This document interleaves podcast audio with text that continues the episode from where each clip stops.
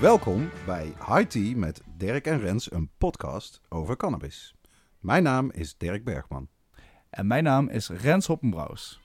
In deze podcast praten we elke keer weer over cannabis en alles wat met deze plant te maken heeft. Vandaag hebben we een hele bijzondere gast in de studio, die we op zijn verzoek Mr. X noemen. Mr. X is een eh, buitengewoon ervaren eh, wietkweker en iemand met diepe wortels in de cannabiscultuur. Dus reken maar dat we hem eh, het hemd van het lijf gaan vragen in deze speciale kweek special. Welkom, Dankjewel. Mr. X. Dankjewel. En spannend. Laat maar komen die vragen. Ehm, we gaan in de, eh, in de eerste aflevering van High Tea van het nieuwe jaar, 2020, eh, gaan we weer een aantal rubrieken behandelen. Zoals eh, wat zit er in je joint vandaag, nog iets nieuws, de oude doos en de reacties van de luisteraars. Ehm, ja. Dit is High Tea met Dirk en Rens, aflevering 9. Yes, we zijn er weer in ieder geval. Iedereen nog de beste wensen gewenst. En, eh, Ja, jij zei 2020, hè? maar zeggen niet meer mensen 2020? Wat is jullie ervaring? Dat is heel hip. hey, je hoort 2020. 2K20 toch? Is het ook alweer, Oh, ja? is ook weer hip tegenwoordig. Maar eh, nou, in ieder geval, ik hoop dat iedereen weer met, eh, met al de vingers aan hun handen weer hier zit te luisteren. En daar lekkere jointjes eh, mee kan draaien. En over jointjes gesproken, laten we gaan eh, over, naar de eerste rubriek. Laten Wat- we geen tijd verspillen. Nee, we, laten we het gewoon eh, beginnen zoals altijd. Wat zit er in je joint vandaag? Dirk. Nou, ik ben een heel oud wietje in zekere zin aan het roken eh, vandaag. Ik ben min of meer door mijn eh, eigen buitenwiet van het vorige seizoen al heen. Want, ja, zo lekker was hij ook wel. Maar ik bleek nog een, een half potje brainstorm te hebben uit 2018. Die ik alleen maar een beetje hoef bij te knippen. Want die, het was een beetje slordig geknipt, zeg maar, destijds. Eh, en dat is eigenlijk eh, heel lekker. Goed gekeurd. Heel goed gekeurd. En hij heeft meegedaan met de cup, toch? Ja, dat klopt. Dat was Ja, mijn entry in ja, eh, ja. 2018. Koppie, Dutch. Passion. En ja, wel een bijzondere plant. En ik had niet gedacht dat hij... Want ik dacht van, hmm, dat is wel een beetje oud, hè? Vanaf december 2000... Nou nee, zelfs november 2018. Maar helemaal goed. Nou, wie bewaart heeft wat. In ieder geval. eh. Zo is het. Mr. X, wat ben jij eigenlijk eh, aan het roken vandaag? De cherry cookies van Relentless Genetics. Het is een eh, fenotype wat ik nu aan het testen ben. Maar hij valt een beetje tegen. We hebben daarvoor eentje gehad, die was wel heel lekker. Maar ja, toch moeilijk, eh, wat moeilijker te vertalen, zeg maar, om wat het nou is. Dus Dus, maar geen Bijzonder. blijvertje. deze niet. Nee. Deze niet, maar nee. hij moest toch getest worden. Ik, ik steek zelf op dit moment de Bruce Banner aan. Het is eh, een eh, soort OJ, een koesoortje denk ik, een beetje met fruitige roots. Ik dacht altijd zelf eh, de strawberry sour diesel gekruist met de OJ koes. Alleen Mr. X wist me daar wel even op de vingers te tikken. Of welke kruising... Nou, dit nou- soortje is toevallig een, een grappig verhaal. Een vriend van me, die had dit pakje gekocht. Van een breeder wat ik even niet meer weet. En ik had zoiets van, nou, dat is weer een van de vele nepbreeders. Dat moet je gewoon niet zetten. Heeft hij toch gedaan. En een van die plantjes was dit. En dus- wat het is, weten we dus niet. Maar het is gewoon een, een solid OG. Dus, Ja, nou, ik, ik steek hem net op. Ik zal ondertussen eh, tijdens de uitzending nog een keer laten We weten komen wat er ik daar nog even op terug. Maar ehm, nee, Halftime report. ik moet zeggen, qua kleur uit die grinder heeft hij echt zo'n beetje zo'n donkere, eh, mooie, volle kleur. Ja, ik hou er wel van. Vaak zijn dat ook die eh, gelato soortjes die er ook hebben met veel Ja, smaak. deze verkleurde ook mooi. Ja, Ja, ja, ik- ja. Het is, eh, maar ik ben benieuwd. Hij ziet er in ieder geval eh, het ziet er prachtig uit. Dus ik ben... eh, Het was echt Ja. een verrassing voor ons. En hij zit er nog steeds in de rotatie. dus, eh, ehm, ondertussen... Hij de- ruikt al lekker Ja, trouwens. We, we hebben natuurlijk onze vaste rubrieken, maar we hebben ook een aantal vragen voorbereid die we jou eh, willen stellen. Eh, we, we hebben jou natuurlijk uitgenodigd omdat we jou eh, een tijdje kennen en we jou, eh, ja, we zien dat je, hoe, hoe moet je het zeggen? Je, je bent in ieder geval een bewezen goede kweker met veel kennis in het vak. En we dachten van dit is een uitgelezen kans om bijvoorbeeld echt de vragen die, die je vaak hoort, om eens een keer aan, aan jou te kunnen stellen en jouw Nou, in mening feite erover stond te Mr. X eigenlijk vanaf ons eerste begin op ons wensenlijstje voor een te gast in de studio. Dus we zijn echt heel blij dat je er bent. En eh, dat bewaren we dus allemaal voor na de, de nieuwsrubriek. Want er is ook ontzettend veel nieuws te melden in het nieuwe jaar. Eh, veel uit Amerika, maar ook uit Nederland. Ja, laten maar we eh, daar- daarna blijf hangen, want eh, inderdaad, dan hoor je het is, eh, straight from the horse's mouth. Spannend. Ehm, laten we beginnen met project C. Het Ja. eh, de kweekgroep uit Breda. De, de advocaat, de, de De dokter, huisarts, huisarts. en de en de lokale politicus. politicus. Eh, die krijgen geen toestemming van de gemeente Drimmelen om daar in, een, in die kassenbouw eh, eh, 12 ton eh, cannabis te Ja, verkopen. dat is dus hun plan. Hè. Dat hebben ze, ze zijn buitengewoon veel in de publiciteit. Ik denk eigenlijk van alle kweekinitiatieven voor de wietproef is project C het meest in de media. En vanaf het begin heb ik gezegd, we gaan 12.000 kilo per jaar produceren. Nou ja, in ieder geval een mooie ambitie zou ik zeggen. En niet alleen is dat geweigerd zeg maar, door die gemeente Drimmelen, maar het is zelfs in zijn nieuwjaarsreceptie heeft de Partij van de Arbeid burgemeester, nota bene, daar ook nog flauwe grappen over zitten maken in zijn nieuwjaarstoespraak. van eh, haha, die eh, wietkwekers die dachten wel dat ze dat hier konden doen. Haha. Da- van dat soort dingen zakt eerlijk gezegd mijn broek af.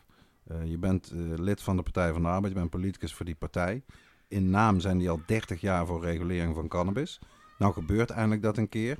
Nou komt er een goede partij, in ieder geval een nette, hè, transparante partij bij jou aankloppen. En dan ga je dat afdoen met flauwe grappen en nee, not in my backyard. Dus eh, wat je verder ook van het project C mag vinden, vond ik dit wel weer zo'n typisch kleinzielige eh, reactie van de gemeente Drimmelen. Ja, ja, ik vond zelf wel persoonlijk, het is natuurlijk wel logisch als je, als je een gemeente kiest die al helemaal niks met cannabis heeft en die ook geen koffieshops Ja, wil. ze hebben natuurlijk veel kassen. Er is daar veel ruimte voor, eh, voor tuinbouw. En eh, ja, dit is toch tuinbouw? Hè? Ja, dat wel. Alleen een heel bijzondere vorm van tuinbouw. Ik zou die gasten van Project C ook altijd weigeren, maar niet om die redenen. Meer omdat het juist geen jongens uit de wietwereld zijn. Mhm.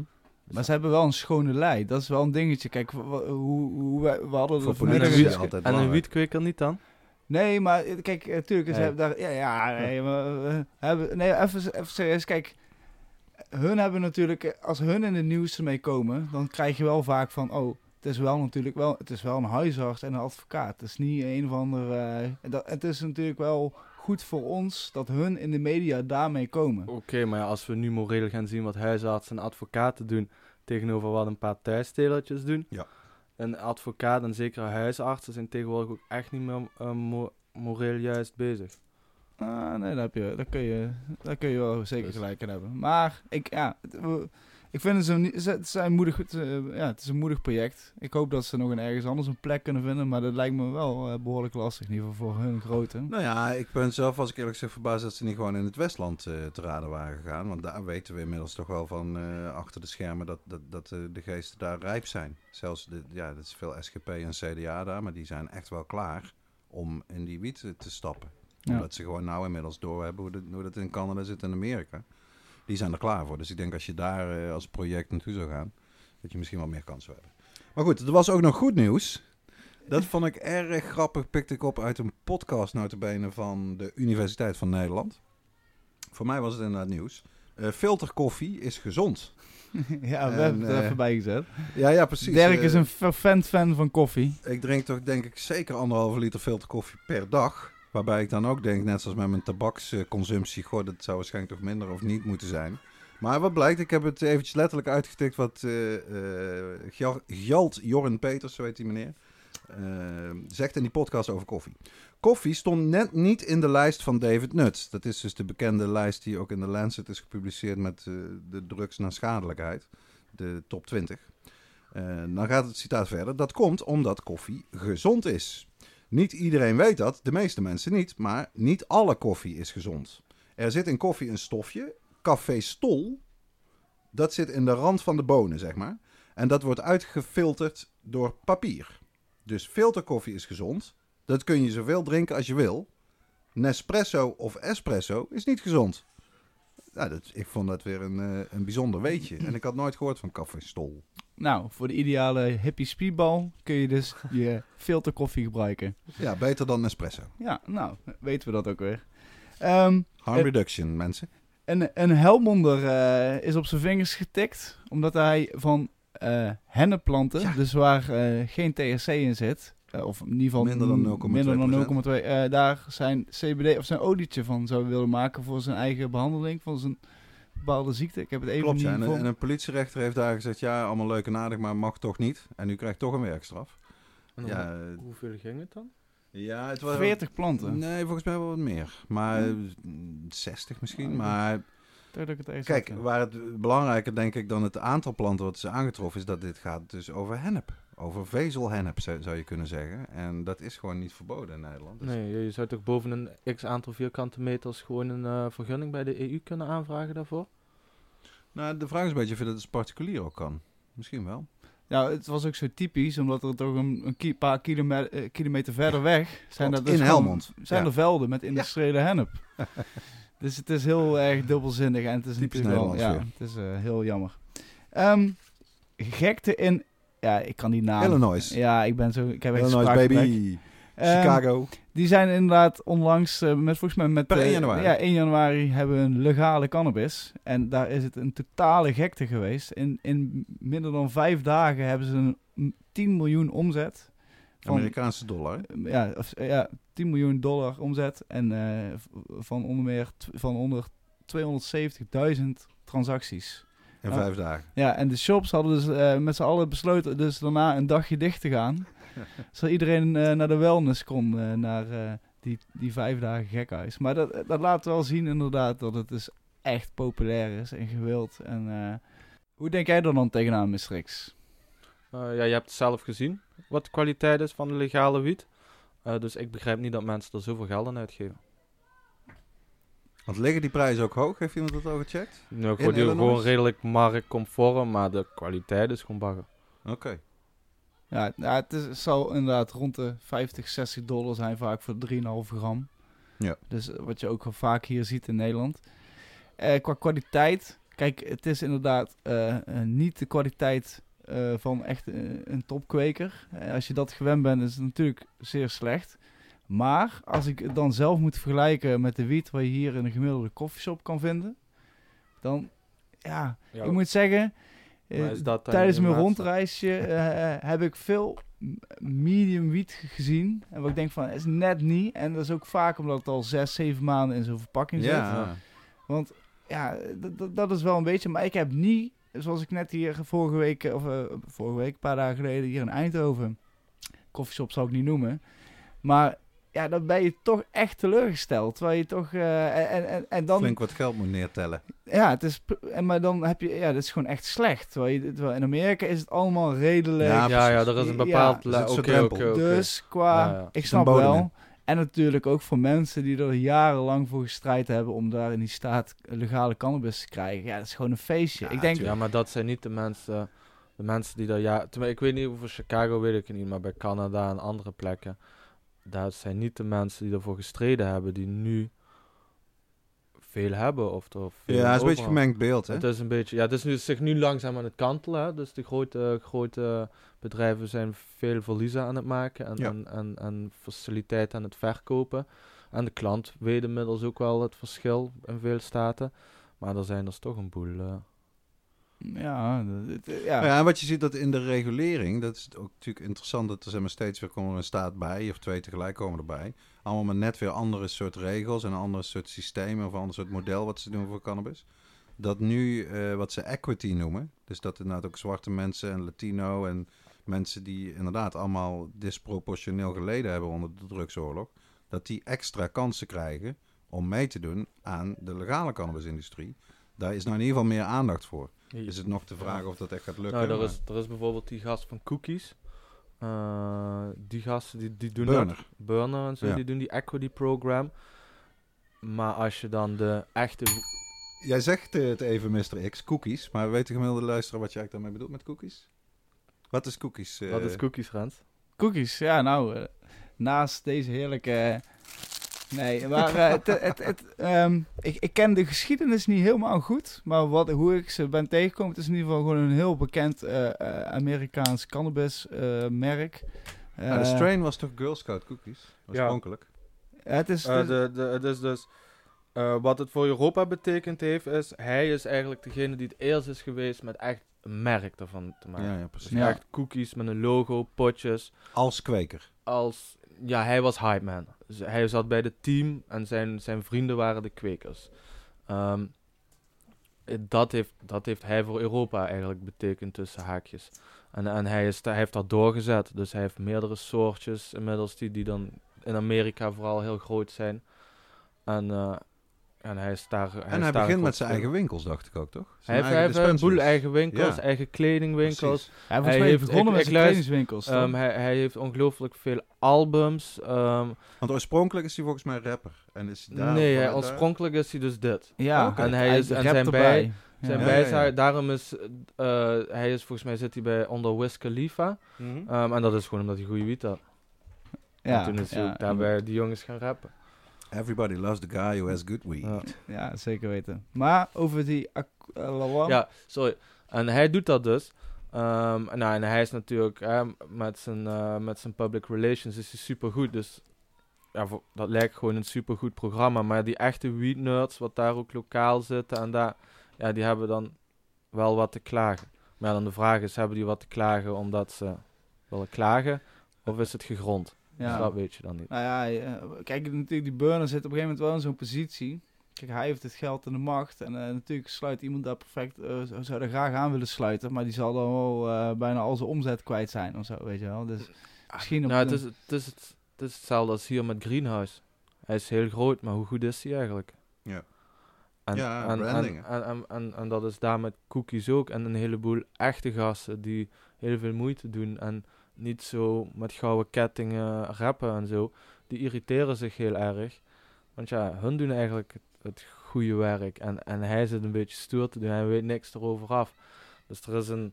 er- dat wringt heel erg bij een heleboel mensen. En ja, die willen zich gewoon, die willen zich gewoon niet zo voor de camera Ja. als hem profileren. ja, maar en qua, qua marketing en branding is hij wel echt een van de beste van de, van de scene. En voor Mhm. Europa heeft, hij, heeft, heeft dat een heleboel betekend. In Voor welke die, zin dan? Ja, dan vraag ik me en wat... een voor, voor die tijd kreeg je Witsel en Amnesia. En er waren er wel wat soortjes. Casey Jones, hier en daar waren er wat jongens met dingen. Maar, maar toen hij begon, toen had ineens iedereen eh, eh, potjes met, eh, met eh, wat, he- ja, wat hebben ze tegenwoordig? Girl allemaal Scout gelato's, cookies. Girl Ja, Scout cookies, Skittles, allemaal. De Maar hel- hij kan het zelf toch niet eh, exporteren? Legaal. Nee, natuurlijk. Kijk, hier is het meeste is gewoon nep. Natuurlijk. Dus ja, zij zien dat. En zij pakken wat, eh, wat critical of wat wit soort. En zij plakken daar zo'n sticker op. En, en anders wordt er een boel geëxporteerd via de achterdeur. Ja. En daar heeft zo'n burner natuurlijk heel veel baat bij. Mhm. Want alle stoere jongetjes hier, die kunnen dat dan kopen bij een dealer. Ja, want de Of grap is dus eigenlijk, dat is, eh, is vaker met branding, hij hoeft het niet zozeer van te hebben dat hij die, die winst maakt die zeg maar hier met, in Europa wordt gemaakt met die zogenaamd zijn soorten. Het helpt hem gewoon voor zijn brand. Dat Ja. iedereen hem imiteert. Ja, ook, wat zeg ik van een interview had gelezen of eh, gezien, is dat hij zegt van ja, heel veel is heel fake, maar dat vind ik alleen maar prima, want iedereen wil dan wel weten hoe de echte smaakt. precies. Of, of willen ze het Maar het is vergelijken. ook een makkelijke, makkelijke maatstaf voor jezelf. Jij zit in Amerika en is een heel ander continent. Gaan ze Ja, jou die- allemaal nadoen.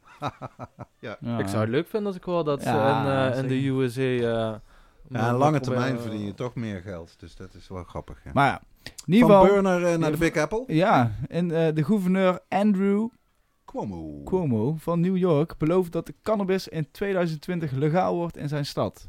Ja, dat hebben we eerder gehoord, toch? Ja, absoluut. Ja. En dat is ook al een keer mislukt. Er was een soort eh, reguleringsplan eh, opgesteld en dat hadden dan toch weer geen meerderheid daar. Maar nou klinkt het toch wel heel serieus. En je ziet ook aan een soort mainstream coverage, CNN en andere grote nieuwsmedia. Die pakken dit toch op als iets heel groots. Want hij heeft gewoon in zijn nieuwjaarstoespraak beloofd dat hij in 2020 cannabis gaat legaliseren. En hij heeft daar ook eh, toch wel weer sterke woorden gesproken over wat een ontzettende, hoeveel negatieve effecten die, die, die war on weed ook voor New York, ook voor zijn staat en de stad New York heeft betekend. En dat dat gewoon moet ophouden. Dus ik denk dat het deze keer wel serieus is. En eh, dat, je ziet ook vaak dat politici juist niet zeggen dit jaar, hè, of met een bepaald jaartal erbij wanneer ze iets gaan doen. Want dan kunnen ze erop afgerekend worden als het niet lukt. Hij doet dat wel. Dus ik denk dat dat ook een indicatie is dat het, dat het redelijk serieus is en dat het eh, zou kunnen lukken. En kijk, New York is natuurlijk gigantisch. Alleen al toeristen die daar komen. Ja, dat Het zou ook heel interessant zijn om te zien. Kijk, tot nu toe zie je volgens mij in vrijwel alle Amerikaanse staten die adult use hebben gelegaliseerd. dat toeristen gewoon kunnen kopen. Nou, als je dat in New York kan doen. Met tientallen miljoenen toeristen per jaar. Dat, dat wordt een gigantische eh, machine. Ja, ik denk dat als, als New York overgaat, dan Ja. eh, denk ik dat eh, heel Amerika op een gegeven moment over. Ja, want je ziet traditioneel, dat is natuurlijk sowieso interessant, dat aan de East Coast, het oosten van Amerika, zijn ze veel trager met, met, met decriminalisering, met medische cannabis, met legalisering. Dat speelt allemaal vooral in de West Coast natuurlijk zich af. En New York is, is duidelijk de hoofdprijs, ja. Ja. ja. Dus dit, dit kunnen we toch absoluut wel als goed nieuws kwalificeren, lijkt mij. Eh, de Thailand, Thailand Medical Marijuana Madness. Zo had ik het even opgeschreven. Want je ziet dat ze eh, van een, de, van de hardste landen die eh, het zwaarste straf tegen cannabis eh, eh, gebruik of kweken, dat ze nou volledig op de medicinale tour zijn. En ze pakken het ook echt flink uit met grote eh, mascotte. En een grote knuffel Ja, cannabis. Dr. Ganja. Dr. Ganja. Ja, ik ben er eventjes ingedoken eh, voor deze uitzending. Het is toch wel een heel bizar verhaal. De, het gaat over de vicepremier is de grote ganja-man in, eh, in, in Thailand. Zijn naam die staat volgens mij op een van die papieren die ik nou niet onder hand heb. Ik Dat is ook een moeilijke naam altijd natuurlijk Thailand. Oh ja, ik heb hem wel. Hij heet namelijk Anutin Sharan Virakul. Oh, die. Precies. Oh, ja, ja. Ken ik nog, ja. Onze home. Want hij is vicepremier, maar hij is ook minister van Volksgezondheid van Thailand. En hij heeft letterlijk campagne gevoerd bij de vorige verkiezingen. Stem op mij, dan ga ik medicinale cannabis eh, legaliseren. En dan mogen jullie het thuis kweken. En dan verdien je daar geld mee. Nou, daarmee werd hij de vijfde partij eh, van het land. En nou hij vicepremier is en ook nog premier, of, eh, minister van Volksgezondheid, gaat hij als een gek met die wiet. Dus ik heb hier een aantal citaten bij de hand. Eh, Dr. Ganja is a bespectacled, dus met een bril op, green cuddly teddy, whose job it is to educate Thailand about the benefits of medical marijuana. En ehm, hij heeft voorgesteld, deze eh, meneer eh, Charni Virakul, dat in de stad Buriram, dat zou eigenlijk de grote wietkweekhoofdstad van Thailand moeten worden. En die kunnen daar gaan kweken. En wat het nog interessanter maakt, dit is een artikel overigens uit eh The Print van 9 januari 2020. We zullen de link ook onderaan de uitzending plaatsen op YouTube. Dat er ook zeker wel gedacht wordt om ook eh, adult use, dus zeg maar recreatief gebruik van cannabis, ook te gaan legaliseren in Thailand. Hoewel eh, de vicepremier wel zelf heeft gezegd dat het niet waarschijnlijk is dat het al deze kabinetsperiode gebeurt. Maar dat hij dat wel degelijk een optie vindt. En dan zou het gaan om zes planten per persoon voor thuisteelt. Dus dat vind ik zelf ook altijd ja, toch mooi om te zien hoe in al die landen waarover regulering en legalisering wordt gedebatteerd, de thuisteelt gewoon meteen onderdeel is van de plannen die ze maken. Hmm. Anders dan in Nederland, bijvoorbeeld. Ja, maar eh, nou, laten we hopen voor Johan van Larenhoven dat ze daar eh, snel eh, gaan veranderen ook in ieder geval. Ja, het- is ongekend om te zien hoe snel het daar verandert. En hoe je inderdaad van een, van een absolute war- en drugssituatie naar een, een, een, een, campagne gaat. waarbij dokter, er werd gratis cannabisolie verstrekt. In de eerste kliniek die deze maand geopend is in Thailand. Ja, dat is wel heel bijzonder om te zien hoe dat omdraait. ah, mooi. Zulke, zulke, zulke type soort nieuws horen we graag niet wel. eh. Ehm, de CNNBS column van Dirk. eh, de acht cannabis voorspellingen voor 2020. Hebben we er tijd voor? Of hebben we er niet tijd voor? Zullen we gaan er toch even... Goed, Nou ja, was mijn eerste column van dit jaar is al bijna traditie geworden voor, eh, voor die website. Dat ik daar in mijn glazen bol kijk. In het koffiedikke roer. En een aantal voorspellingen doe voor het, het jaar wat net is begonnen. Eh, deze keer iets serieuzer eigenlijk dan vorig jaar. Dus eh Mr. X die heeft de acht voorspellingen ook we, we eh, kunnen ook zeggen, die, die, die schuiven, die bewaren we even voor straks. Dat, dat kan ook, hè? Dat, dat we zeggen, de, Ja? ja? dat we zeggen van, nou, we doen we eerst even wat vragen aan eh Mr. X. Dan zit hij er ook niet voor niks. eh, ook, eh, Kom maar op. ja. Ik zal, ik zal eh, om de eerste vraag maar eh, te beginnen. Hoe ben je in dit prachtige vak gerold? Om maar ook maar met een jointjes... eh, Ik ben erin opgegroeid. Nou, Dat klinkt heel slecht, maar het was heel gezellig. dus eh, ik ben Eh, opgegroeid. opgegroeid als je, je woonde langs een koffieshop of, of hoe, hoe kunnen we dat zien? Mijn pa was blower en ik ging altijd met mijn pa graag mee naar zijn vrienden en naar de coffeeshops en dat soort zaken. Dus het zat er altijd wel in. Ja, dus ja, met de paplepel inge... Met de paplepel ingegooid. Ja. Wat maakt iemand een goede kweker? Als hij het graag doet. Als je het met passie en liefde... Als hij het graag doet. Ja. Denk Zo ik. simpel is het denk ik eerlijk gezegd ook. Ja. En dan hoeft het niet... ah, je standaard aan wiet. Hoeft... Ja, whatever. Als je het gewoon graag doet. En, en iedereen begint ergens. Dus ik ben ook niet... Ik, ik ben ook ergens begonnen, zeg maar, met... Als ik daar nu naar terug zou kijken, zou ik ook denken, ja, wat de fuck ben je aan het doen? Ja. Als je het gewoon graag doet en je leert graag, En, dan en- ben je een goede kweker. En, en kun, jij, kun je eens een aantal dingen noemen waar jij misschien vroeger echt... Waar je dacht van, ah, had ik dat nou maar anders had gedaan, dan was het veel makkelijker geweest. eh. Eh, waar ik me vooral vroeger blind op gestaan heb, zijn al die voedingsmerken. En dat soort zaken. Ehm, en dan nog voor een heleboel andere mensen ook alle zadenbanken. Ja, het is één grote gekhuis tegenwoordig. Ehm, ja, nou ja, de zadenbank is allemaal één grote leugen. Dus kies wat je wilt kiezen van die. Of je moet echt op zoek gaan. En ehm, dus zoek een goede critical uit dan. Ehm, of, eh, en met voedingsmerken is het ook, ja, daar, had ik vroeger vooral, ik wou alles uitproberen. Maar het is allemaal een beetje hetzelfde. Het is de minerale lijnen, de biologische lijnen, het is allemaal een beetje hetzelfde.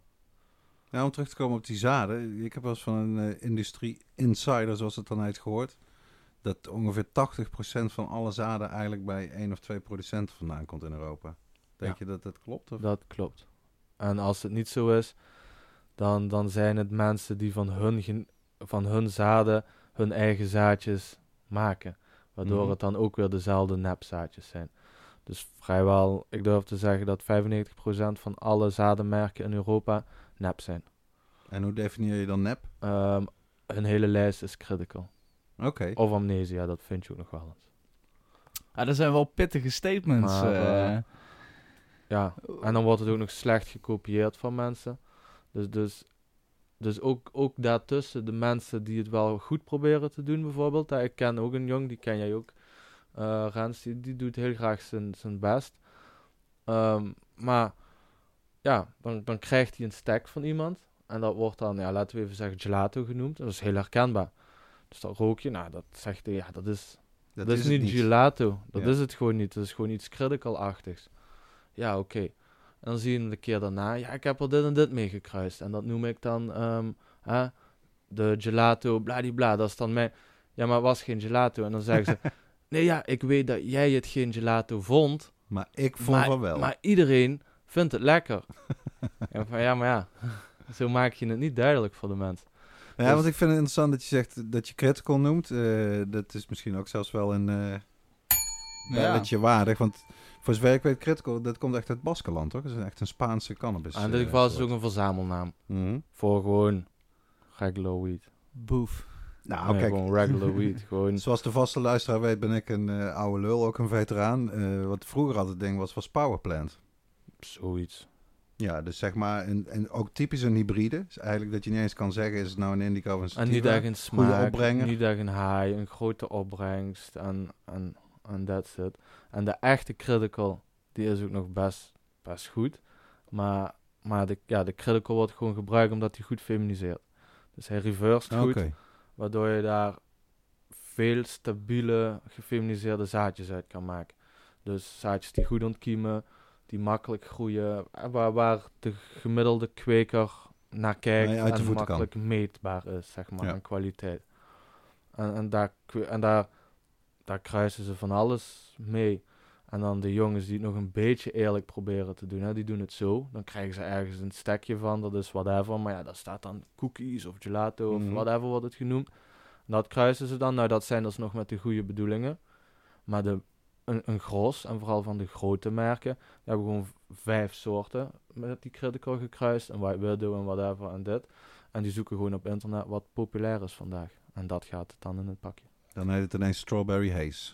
Hoe, eh, Bijvoorbeeld. maar hoe En- ervaar jij dan die vooruitgang in Amerika met de genetica en dergelijke? Eh, Wat, hoe, hoe Genetica landt is dat daar, op de Europa? genetica is daar altijd al geweest. Het is nu alleen voor ons als Europeanen heel toegankelijk, omdat ze op Instagram zitten, omdat ze betalingen aannemen, omdat ze durven. Wow. We hebben er even geen tijd voor Dat is de natuurlijk. host. eh, Rens. Sorry. We hebben een beller, maar eh, niet voor de uitzending. Knippen we eruit. Dat was Joel trouwens, maar die... eh, ja, nee, sorry. We gaan Maar ja, dat is het enige verschil. Ze, ze zijn daar altijd wel en, en, en eh, hoe heet dat daar, Mendocino? Ja, daar Mendocino zijn, County. ja, daar zijn ze Ja. altijd zo bezig geweest. Maar nu komen ze naar buiten, dus nu hebben wij daar ook toegang tot. Want dat is misschien voor de luisteraar ook wel interessant. Jij zegt zelfs wat tot 95% is in die zin nep. Dat betekent nog niet dat 95% wat je in de koffieshop koopt hetzelfde, dezelfde soorten precies zijn en in die zin ook allemaal nep, toch? Die zijn net zo nep. Maar de variatie zit daar misschien toch wel meer in, of ook niet? Nee. Interessant. Want dat zijn of van diezelfde nepstekken waarmee ze gekruist zijn, of het zijn uit die zaadjes iets neppigs. Nou ja, of het is toch wie die inderdaad via die achterdeur uit of eh, Amerika of Canada is overgevlogen of Ja, maar- gevaren. Maar de wiet uit Canada is nooit goed. Mhm. En ehm, die van de USA, nou, die ligt hier uiteindelijk ook om een reden natuurlijk. Ja, anders kan die daar ook gewoon verkocht worden op de legale markt. Ehm, En die reden is, dat Hm. hebben we al wel eens besproken volgens mij, dat er best wel veel wiet wordt afgekeurd na een labtest. En dat je die wiet kan, eh, in de vuilstort kan gooien, maar dat je er ook Ja. misschien ja, en er zijn ook natuurlijk nog wat mee kan gewoon- verdienen. Als je gewoon drie witte plantages en drie Ja. zwarte plantages hebt. Kijk, en bij, die, bij, de, wit- Europe. bij, de, bij, de, wi- bij die wat wit zijn, dan mag je bepaalde PGR's niet gebruiken. Maar bij die wat zwart is, mag dat wel gewoon natuurlijk. Dus ja, weet je eigenlijk, want, want, je, want je komt niet uit de voeten met alleen legale wiet. Kun je niet bestaan. Kijk maar naar Tweet, kijk maar naar Canopy, kijk maar naar... Ja, de echt grote jongens gaan, eh, jaloezen. krijgen enorme klappen. Ja, behalve dat ze dan geen goede wiet maken, maar het is ook gewoon... Ja, het is ook gewoon zo moeilijk om te overleven in die markt nu op het moment. Dat het wel zal moeten. Nou, dat is interessant. Ik zeg, eh, voordat we verder gaan naar nog meer vragen. Want de, eh, eh, kunnen Ja, we ik heb er nog een hele lijst, joh. Ja, ah, we kunnen nog een paar doen. Of we kunnen alvast naar de oude doos. De oude doos. De oude doos. Ik was nog niet klaar voor de oude doos, maar ik eh, zet hem graag even open. Ja? Z- Zullen we eruit halen, Derek? We zullen er is een, eh, een anekdote trekken uit mijn, eh, in dit geval uit mijn rijke verleden als cannabis reporter en ook fotograaf. Ik heb de foto erbij gezocht, zodat hij ook op Instagram kan. En het blijkt echt lang geleden. De zomer van 1995 eh, kreeg ik ineens een telefoontje dat ik een grote wietkwekerij in Limburg kon fotograferen. Maar die was dusdanig groot dat ze absoluut de mensen die, van wie die kwekerij was geen enkel risico wilden lopen dat ik erachter kon komen waar dat precies was. Dus ik vond het prima. Laat maar komen. Dus dat was ergens op een Limburgs treinstation eh, dat ik die mensen ontmoette. En eh, toen het moment kwam dat we in de auto gingen zitten, toen moest ik toch echt een blinddoek om. En die blinddoek die heb ik toch zeker 20 minuten opgehouden. Terwijl wij ergens door het Rondjes onder de land of weet ik veel waar we naartoe gingen. Ik wist het in ieder geval niet. En toen die blinddoek weer afging, toen stond ik eh, in een, bij een, een net afgebouwde eh, villa. Een groot vrijstaand eh, huis. Wat ja, grotendeels helemaal afgebouwd was. Behalve dat er binnen nog geen muren waren. Wel gewoon een verdieping. Maar dus één grote ruimte op de eerste verdieping. En ook nog op de begane grond één grote ruimte. Nog geen binnenmuren. Helemaal vol met wiet. En op de oprit, eigenlijk het deel naast het huis, was ook een hele grote ruimte natuurlijk. Eh, dat hebben ze namelijk verteld. Dat staat zelfs nog in het fotobijschrift, eh kon ik controleren. 10.000 buitenplanten. En ik denk ongeveer hetzelfde wel binnen. Ja, op één plek. En ik had sterk idee, want ik kon natuurlijk een beetje wel over de schutting hier en daar kijken. Dat dat gewoon in een soort nieuwe wijk was. Waar, waar gewoon allerlei nieuwe huizen werden gebouwd. En waar, eh, ja, daar zal waarschijnlijk iemand eh, een leuk kerstpakket hebben ontvangen. om nog even vier maanden te wachten met de, tot de rest van de oplevering van de huizen klaar was, zeg maar. Dus dat was een, eh, ja, ik vond het een, een bijzondere opdracht. Vooral de buitenfoto's zijn goed gelukt. Want binnen fotograferen kon ik toen nog niet zo goed. En het is ook lastig, zeg maar, in een kwekerij. En wat ik ook erg grappig vond, is... eh, dat mocht allemaal niet lang duren natuurlijk. Ik denk dat ik maar 20 minuten tijd had om het binnen en buiten te fotograferen. Maar op een gegeven moment zegt die man... eh, ik had één plant, zeg maar, van dichterbij gefotografeerd. En het was duidelijk binnen de grootste en meest levenskrachtige, lekker uitziende wietplant. Dus die kerel die zag dat zo en die zei... eh, wil je die mee naar huis nemen? dus de luisteraars zullen kunnen raden wat mijn antwoord was. Dus die heb ik buiten lekker afgekweekt, want die was inderdaad bijna klaar. Het was in de zomer. En eh, het was een analexje. En ja, het was lekker. En toen, ik, van die, die plant is misschien wel een van mijn meest gefotografeerde planten. Want toen had ik eens een keer eh, ja, een goed geteelde plant. binnenplant, want ik doe het toch altijd buiten. En eh, ja, dat heeft leuke close-ups opgeleverd. En de foto komt ook online. Dus eh, Ja, wel van, eh, van de oprit. super discreet. Dus eh, voor degene die nou luistert en denkt... Oh shit, Dirk, waarom zeg je dit? Nee, we, we zijn er heel discreet, zullen we het zo Maar het is zo'n mooi beeld. Het is wel echt een... je wordt er wel enorm vrolijk van als je dat ziet. En de planten stonden er prachtig bij. Daarom. Nou, laten we die doos maar snel terug di- dicht doen. Gooit hem dicht. Ehm Mr. X. Ondertussen, ik ga even die eh, vragen bijpakken. Ja, ik heb nog wel een vraag van Ja. Mr. X. Dit is een vraag die ik in mijn journalistieke praktijk bijna altijd wel stel aan mensen. Wat is het grootste misverstand over cannabis kweken in dit geval dan? Het grootste misverstand, denk jij? Dat het makkelijk geld verdienen is. En kom je dat ook vaak tegen dat mensen denken? Iedereen denkt dat ik, dat ik mijn geld gratis krijg. Uh-huh. Eh, Ik verdien niet heel veel, even voor duidelijkheid, maar iedereen denkt dat ik, weet ik wat, omdat ik van de plant hou. Uh-huh. Interessant. En iedereen denkt dat, dat, dat goede wiet kweken, ja, net zo makkelijk is als wat amnesia kweken. Want wa- als we daar eens wat dieper over, op ingaan, hè? Ehm, als je het simpel benadert zou je kunnen zeggen, het heet weed. Weed het betekent onkruid in het Engels. Het is een onkruid. Het groeit overal, het groeit zelfs langs de weg. Eh, Ja, klopt. Hè? Klopt. Maar eh, inmiddels zitten we met eh, eeuwenlange veredeling en verbetering en verandering van die plant. Eh, van alles is gekruist. Eh, wat maakt nou dat, dat verschil? Waar zit het hem in tussen dat, je, dat, dat het meer is dan alleen maar water geven, zeg maar? Ehm, hoe, hoe, oh, qua wat je, wat je dan... Wat je moet doen als je, zeg maar, die, eh, als je denkt dat het heel makkelijk is. Oh, zo, nou ja, kijk, als je echt goede, goede wiet wilt kweken, dan moet je eerst natuurlijk ook leren goede wiet te herkennen. Ook, Ja. ook niet onbelangrijk. Ehm, nou, als je een beetje een idee hebt en je, en je kan achter de genetica aan, dan is het ook een kwestie van, van geluk hebben. Dat telt ook nog wel een beetje mee, denk ik zo. In de zin wat je kan krijgen aan eh, goede zaden of goede genetica. ja, dus ook, ja, je, je kan niet zomaar... Dit, dit pakje zaadjes hier, Mhm. Ik laat het zien. Heel goed. maar eh, ja, er kan ook niks in zitten. Of ja, er kan ook niet die winnaar in zitten waar je naar op zoek bent. Maar wat, wat, wat zijn eigenlijk de extra's? Ja, het klimaat onder controle krijgen, de, de voeding, dat soort dingen. Het letten op details. Dus eh, het, het tijdig zien van problemen. Ja, Mhm. want stel je voor, hè, er zit nou een toekomstige Homegrown Cup deelneem, deel, eh, deelnemer te luisteren. En die denkt in, Of de eerste Nederlandse burner. Bijvoorbeeld, maar die, die, Die denkt wel van, ik wil meedoen met die cup, ik wil winnen. Z- eh, waar moet ik op, waar, de- waar, wat maakt nou een cup winnende wiet? Het is echt de goede fino, dus je moet een stukje geluk hebben. Oké, daar is dan weer een verschil tussen goede wiet kweken en cupwinnende wiet kweken. Oké, Want interessant. cupwinnende wiet, dat doe je tactisch natuurlijk.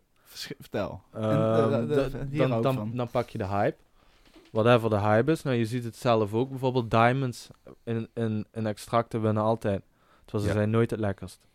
Mensen hebben het gewoon nog niet vaak gezien. Ze zien diamonds, dat hebben ze ook op Instagram gezien. Kijk hoe lijp.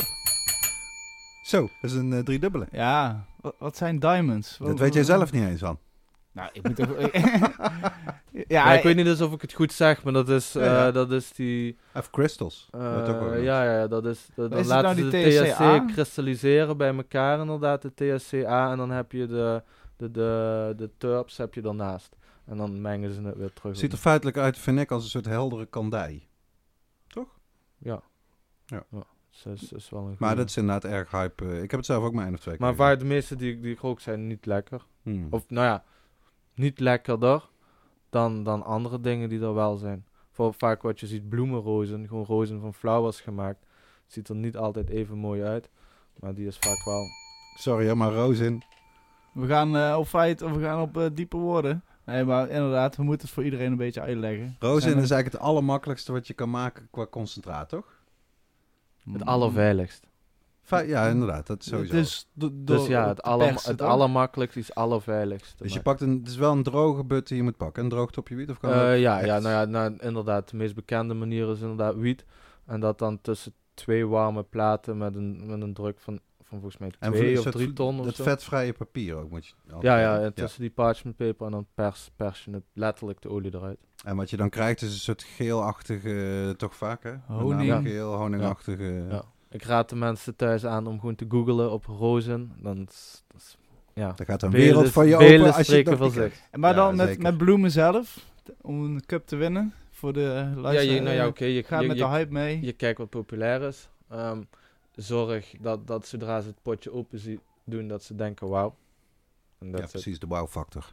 Ja, ja, Dat heb je ik ook. Als ik, vij- als, ik, als ik 20 soortjes moet, moet testen, die wat niet lekker ruiken of rommelig eruit zien, ja, die vallen al af. Ja, inderdaad. Ja. Ja, je, je merkt dat die bijvoorbeeld de sk- Skittles, Dat is een soortje waar je makkelijk mee bent. dat is gewoon, die is... Orange. Als, als je een, echt een goede orange hebt. ook Een soort altijd. geurexplosie en dan heb je eigenlijk al, je al halverwege, kan je zeggen. En bijvoorbeeld qua medium, daar hadden we ook eh, nog een vraag van, eh, van een luisteraar eh, een aantal weken geleden. Van welke medium is nou echt het beste om in te kweken? Want je hoort zoveel verhalen. Voor de Gewoon thuis telen? Voor een thuis stelen. Aarde. Gewoon Aarde lekker. met wat bio spul erin. I endorse this message. Biotabs. Promotion. ja, die Kan, knippen er ook is weer niet even uit. noodzakelijk, maar ik, ik ben zelf absoluut Super. een aardeman, ja. Super. Met, met, met, met, eh, met hun. Je hebt weinig moeite en je haalt altijd, altijd een lekker wietje mits je klimaat ook goed is. Ik heb zelf twee keer denk ik wel gedaan met biotips en, en de resultaten heel goed. Ja, kan, Ja. kan ik bevestigen. Ja. Maar goed, dus geen korrels, geen kokos, geen Hydro. steenwol. Vooral niet doen. Of je vindt het leuk om het uit te proberen, dan moet je het zeker doen. Maar wil jij op een, op een makkelijke manier gewoon schone wiet, dan pak je wat aarde. Kun je, Want ja. Ben jij erg bezig met dingen als pH-waarde, EC-waarde, al dat? Of is dat, Als je op, op, op kokos kweekt of hydro, dan moet je ben je wel. daar druk mee bezig. Ja, er, zit, er is geen opvang. eh, Geen buffercapaciteit. Ja. Geen buffer, nee. dus eh, met hydro Ja, nou, bijvoorbeeld- kokos, de kokos dan wel wel. Dat is dan het voordeel van kokos, enigszins. En met korreltjes en met, met alleen water en zo is dat helemaal niet. Ah, er nee. zijn er geen buffer, dus dat is direct. Dus dan moet je geen fouten maken. Nee. Ja. nee. Ah, ik, ik moet heb, eigenlijk eh, nooit fout maken tijdens kweken. Ik heb al langs toch wel wiet gerookt van iemand die dus op hydro had gekweekt. Echt smaakloos. Echt, het was Ja, nou ja, dat is super eigenlijk het, is daar, het is daar veel moeilijker om, om inderdaad... want je- Eh, het was ook ja. een beginnende kweker. Het was in zijn tweede keer dat hij deed. En hij wilde meteen, hij had gelezen dat hydro eh, geweldig was. Goede roots, stimuleren, al die dingen. En, eh, maar ja, de wiet zag er in principe hartstikke goed uit. Ik was ook best wel onder de indruk toen ik het zag. Echt flinke toppen overal. Ja.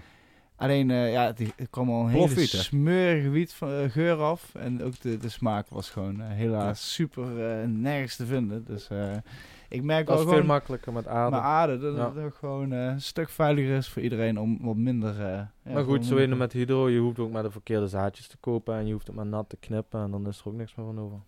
Hoe ben je eigenlijk, hoe ben je eigenlijk zelf aan jouw kennis over cannabis? Eh, hoe ben je eraan gekomen? Hoe, en hoe hou, je, ja, hoe hou je je kennis op peil? Dat is ook zo'n Google. ding. Google. Ja, nu inmiddels niet meer, dan is, zijn, is het mijn netwerk. Maar ik ben begonnen met Google. Ik ben eigenlijk begonnen met Wietforum. Dat was vroeger Mhm. nog hip. En zijn er dan bijvoorbeeld bepaalde bekende kwekers, mensen uit Roosentaal of weet ik veel, dat je denkt, die is de moeite waard, daar kijk ik altijd, of is, het, is dat eigenlijk veel breder, of is het inderdaad meer zo'n forum bijvoorbeeld? Ehm, ja, ik heb het toen echt van het forum afgeleerd.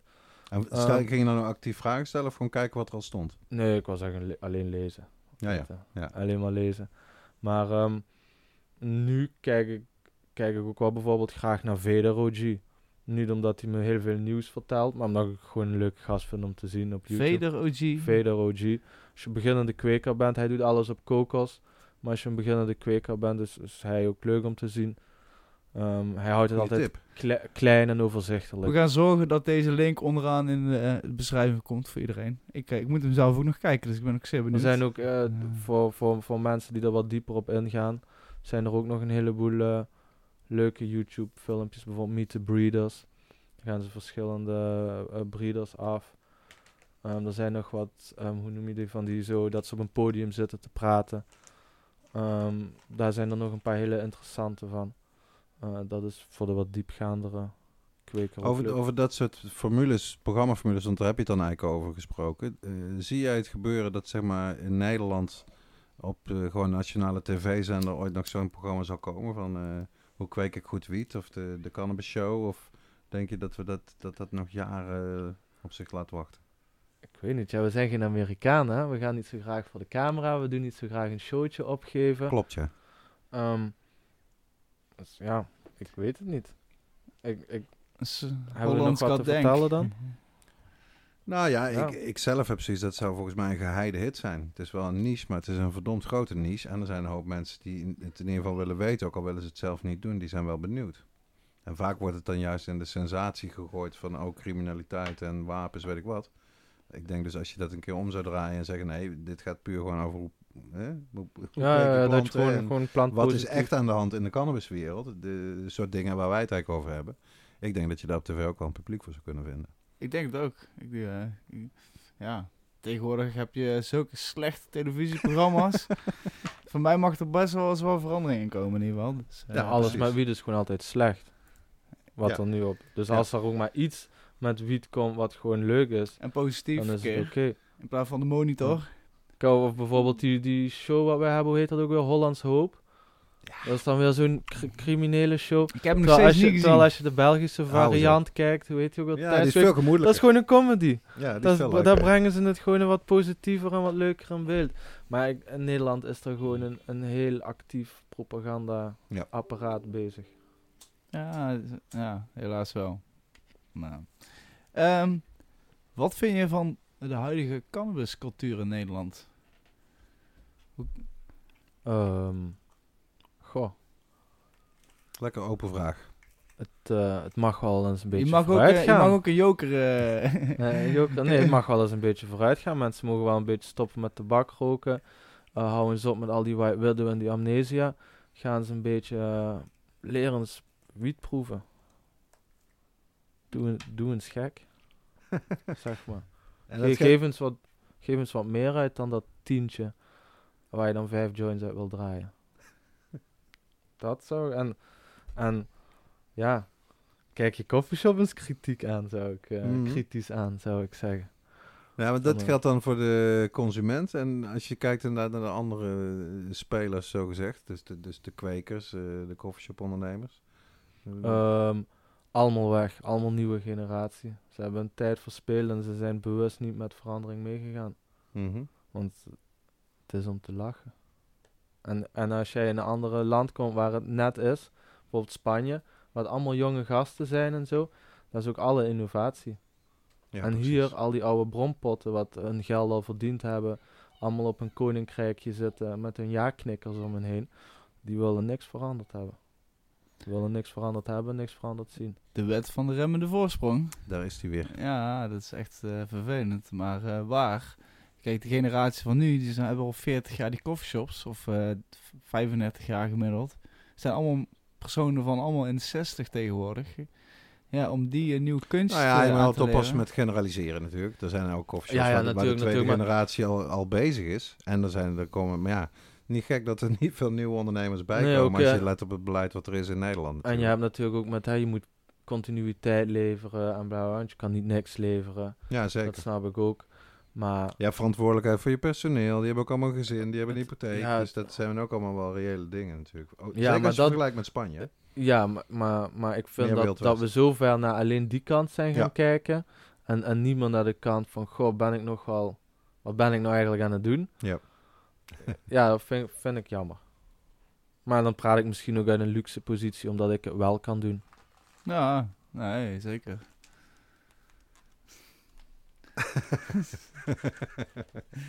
ja, in ieder geval. Ehm, Wordt net iemand zijn wieden afgepakt. Nee, niks afgepakt. ja, ja, ja. Wij doen een beetje gebarentaal en de, de vraag in gebarentaal was... Hey Rens, mag ik ook een topje van die Bruce. Banner eh, proberen? Jawel. Geweldig. Ja. Daar is hij voor, toch? Tja. Daar is wiet voor, om te delen. Precies. Om ondertussen maar verder te gaan. Eh. eh, eh, eh, Nou, wat misschien interessant is, als je dat nou, als je de, de valkuil wil voorkomen, dat je dus met die, met, met die nepgenetica in feite zit. hoe kan je dat het beste aanpakken? Als je zelf denkt van nou, dat weet ik nu. eh, hoe kom je wel aan goede genetica? Ehm, goh, Ehm, dat is voor de meeste mensen denk ik toch nog steeds, of ik moet gewoon merken noemen. En anders is het voor de Hmm. meeste mensen gewoon nog steeds vallen en opstaan. Ja, ja. ja. Want ieder, ik- en ik val er ook nog steeds in. Laten we even eh, duidelijk zijn. Ik, ik ben heel veel bezig met nieuwe pakjes aan het zetten. En bijvoorbeeld vorig jaar heb ik zo vaak gewoon ook, ja, zeg maar, de, de, de Amerikaanse variant van Critical Mhm. gekregen. Ehm, ja, daar word je niet vrolijk van. Dus het is nog altijd vallen en opstaan. Ehm, Maar waarom kies je er dan bijvoorbeeld niet voor, als je, als je dan wel zeg maar die echte winnaar hebt gevonden, of twee soorten die het geweldig doen, wat het ook precies is, dat je gewoon daarvoor kiest. Je stekt ze door, je hebt dat, je hebt moederplant, helemaal niks, nieuwe pakjes zetten. Waarom doe je dat niet? omdat ik van wiet hou. en niet zoveel van geld. Dus ik heb gewoon heel veel plezier met wat ik doe. Nou ja, en altijd ook weer op zoek naar toch, ja, weet je wel, iets wat jezelf verbaast misschien. Ja. Ja. Ja, precies. Want ja, het is gewoon, er is zoveel te ontdekken. Er zijn zoveel wel speciale soortjes. En, en dat is het. Nou, eh, misschien mijn tip om, eh, om bepaalde zadenbanken te vermijden. Als in ieder, bij ieder soortje staat dat ze zowel voor de beginnende kweker zijn als voor de ervaren kweker. En het zijn mega potente planten, bladibladibla. Dan zou ik ze vermijden. Dan zou ik ze vermijden. eh, bruikbaar advies, denk ik. Vaak commerciële, Ja. commerciële woorden om een... eh, En je moet even opletten, ze hebben waarschijnlijk hebben ze van, van alles, hebben ze van alles. Terwijl een echte breeder, ja, die, die werkt een paar genetica lijnen. En, en dat is wat hij heeft. Ja, ik, vind, ik vond het ook wel Terwijl- mooi eh, ja. in, eh, in San Francisco, daar, in die, eh, bij de Emerald Cup, dat je echt al die breeders en, en, en, kleine farmers hebt. En die hebben dus naast zijn wiet ook nog een, een zadenlijntje. En er zijn inderdaad, van één soort hebben ze dan nog vier kruisingen ermee gedaan. Maar dat, daar zijn ze dan totaal op gefocust, weet je wel. Dat vind ik wel, eh, dan zie je ook wel van nou, dat, dat, dat, dat komt wel uit, uit een goede, goede milieu, om het zo maar te Oh ja, zeggen. en als ze autoflowers verkopen, dan zijn het vaak ook neppers. Oeh, nou, ik denk dat er veel zadenboeren nu denken van, oh shit. Die gaan ons boycotten, Mm. de podcast. Ach ja, nou, we zijn Ja, hier wel eerlijk. Daarom ben ik er anoniem, hè. Ja, gelukkig. Wij zeggen niet, nee. Nee, het is goed om eens een keer eh, de waarheid boven, waar, of, eh, boven tafel te krijgen. Of in ieder geval een eerlijke mening erover. het is gewoon lullig voor mensen. Want ze doen ook eh, moeite, ze lezen van alles. eh, er wordt van alles aan ze beloofd. Ze Ja, hebben ook verwachtingen. En ze willen iets proberen en ze krijgen iets wat het totaal niet is. Ja, laten we wel wezen, ook dit is natuurlijk weer een negatief effect van het cannabisverbod. Als het gewoon een normale, transparante markt was, dan, dan, kan je de, dan zouden al die dingen makkelijker en beter zijn dan wat ze nou zijn. Want we blijven zitten met een soort wild west, hoor. Ja, goh. Eh, Is het zoveel beter in legale markten? En dan niet met cannabis gezien, maar met andere markten bijvoorbeeld. Voedsel, dat is lekker eerlijk. Of eh, nou ja, wijn, dat is altijd een goede wijn. benchmark. ja, daar, daar ben ik dan niet zo in thuis. Maar Ja, maar dan kan je hetzelfde zeggen. De- de- de- dat zijn ook bekende verhalen. eh, duur etiket, maar het wordt eigenlijk gemengd met veel goedkopere soorten die Ja. ze nog hadden. Of het wordt aangelengd met weet ik voor wat. eh, daar heb je eigenlijk dus ik denk dat, dat, dat legaliteit of illegaliteit er niet zoveel mee te maken heeft. Ik denk vooral menselijke normen en waarden. Heb je eigenlijk één, één zadenbank eh, die je wel kan aanschrijven? Zeker. Dat je zegt één merk. Karma Genetics. En waarom? Ehm, dat hij eerlijk is. Dat hij eerlijk is. Ehm, wie nog? Want hij is op het moment compleet uitverkocht. Dus dat is gewoon een kuttip. Ehm Ja, wie weet, nou, eh, bijvoorbeeld eh, nog, een half een, jaar, nog een winnaar van de Homegrown Cup. Eh, ook een hele goede gast. eh, Lady Sativa Genetics. Ja. En die is laatst ook wel uitgekomen met... Die heeft en gefeminiseerde zaadjes en reguliere zaadjes. En dan zie je al dat die advies toch niet altijd opgaat. Hoezo? Oh nee, gefeminiseerd auto. Had je het Autoflow, ja. Sorry. Oh, ja. blijf bij de Oh. luisteren. Nee, ik moet... Test ik- natuurlijk ook en dat is ook weer niet alle autoflowers, maar Toch het gros. er, is, er zijn twee zadenbanken met goede autoflowers. Maar die doen dan ook alleen autoflowers. Te weten. Sorry? En wie zijn dat? Dat was toch bij, we hebben Karma ook genoemd. Ehm, nou, ik, ik, eh, ik weet eentje Mephisto Genetics. En de andere heb ik niet gevonden. Oké, Want iemand anders zei het, iemand die ik respecteer. oké. En die zei ja. twee. Ja. En, en ik kon, hè, want het was een, IG, een eh, Instagram post. Dus ik kon zover terugzoeken dat ik, dat ik die Mephisto gevonden heb. Maar die andere, dat Fair enough. Weet ik Een ander niet. dingetje wat Nou, ook al... Om even nog... Ja? Hou hem vast, Dirk. Ik Om even vast. terug te komen op uh, Lady Sativa Genetics. Ik kan zeker inderdaad eh, erkennen. eh, eh, en Maro eh, langs mij ook wel. eh, een vaste bezoeker van onze cup. Een deelnemer, om het zo maar te zeggen. En eh, hij heeft inderdaad een, een lijn uitgegooid. Waar echt, je, je kan, daar kan je echt eh, eh, heel blij van worden. Hij heeft eh, zijn populaire soorten van Orange Diesel, Nightbridge OG... heeft hij allemaal nog gekruist met die Skittles. Ja, dus, die eh, Nightbridge OZ. heeft Ja, man, nou serieus, die Nightbridge die was zo lekker. Een van de lekkerste koesoorten die ik ooit eh, heb mogen roken. En dat nou gekruist met de Skittles. Ik kan niet wachten tot ik die in mijn handen heb, in ieder geval. Met alle respect. Dirk? Nou ja, een ander puntje wat natuurlijk bij kwekers vaak een, eh, een vraag is: ga je voor LED of ga je voor HPS? Een soort stammenstrijd. Eh, HPS, eh, zeg maar de ouderwetse eh, warm wordende lampen. Of de moderne variant LED, die niet eh, brandgevaarlijk is ook niet. En, Een, een professioneel aangesloten HPS is ook niet brandgevaarlijk, toch? Of nee, klopt. vergis ik me daarin? Ik, klopt. ik doe ze met een veilig hart eh, altijd aan, dus nee. Ehm, Nee, maar in theorie, omdat ze warm worden, kan je, is er in ieder geval meer risico, laat ik het zo zeggen. ja, ja, er zijn ook wel eens voorbeelden van lampen die gesprongen zijn. Eh, bijvoorbeeld, voor, dat is nog een hele bekende bij Jungle Boys, zijn toen de hele plastic trays afgebrand. Dat, eh, en, en toen al die plastic rook in de airco getrokken en bla bla.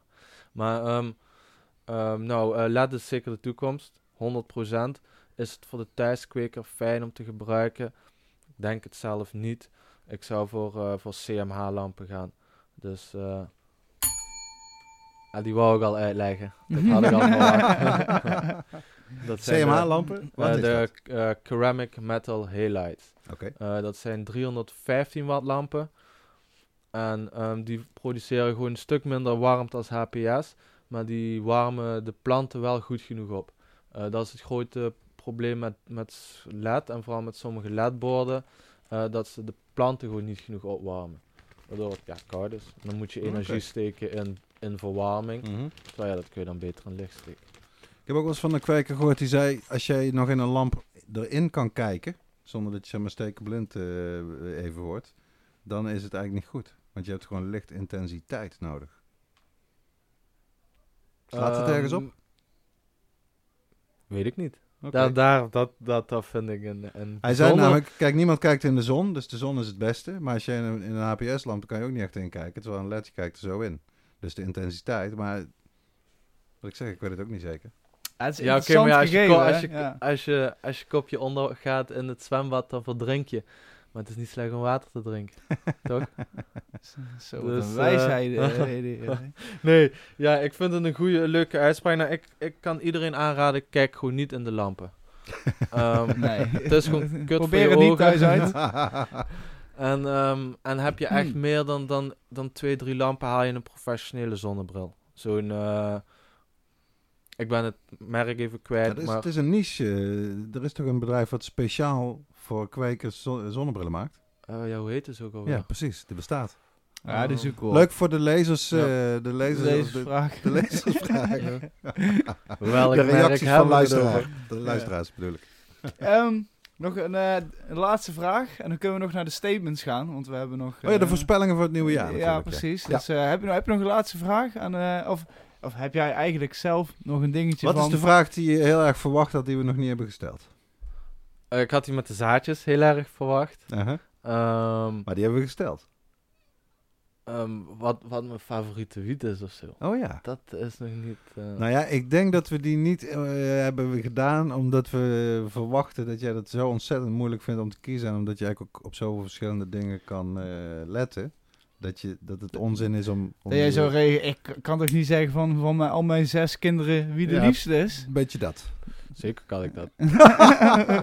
Oké, Ja, Mr. X. Dat kan bij Wat- ons thuis gewoon. wat, wat- is wat- je favoriete Nee, soort? nee, we kunnen het ook presenteren natuurlijk. Wat wordt de hype van 2020? Nou, Ik we doen het bedoel, alle eh, twee. Ik- Dan wil ik het ook weten. Wat is ja, jouw lievelingssweet om te roken? Nu, eh, Nu, dat is altijd op het moment, dus dat verandert iedere keer weer natuurlijk. Ja, Maar nu antwoord, De, de Skittles. Toch wel. De Skittles Skittles en dat is een, want eh, wat bijvoorbeeld bij mijn vriendengroep ook heel populair zijn, zijn de Sours en de OG's.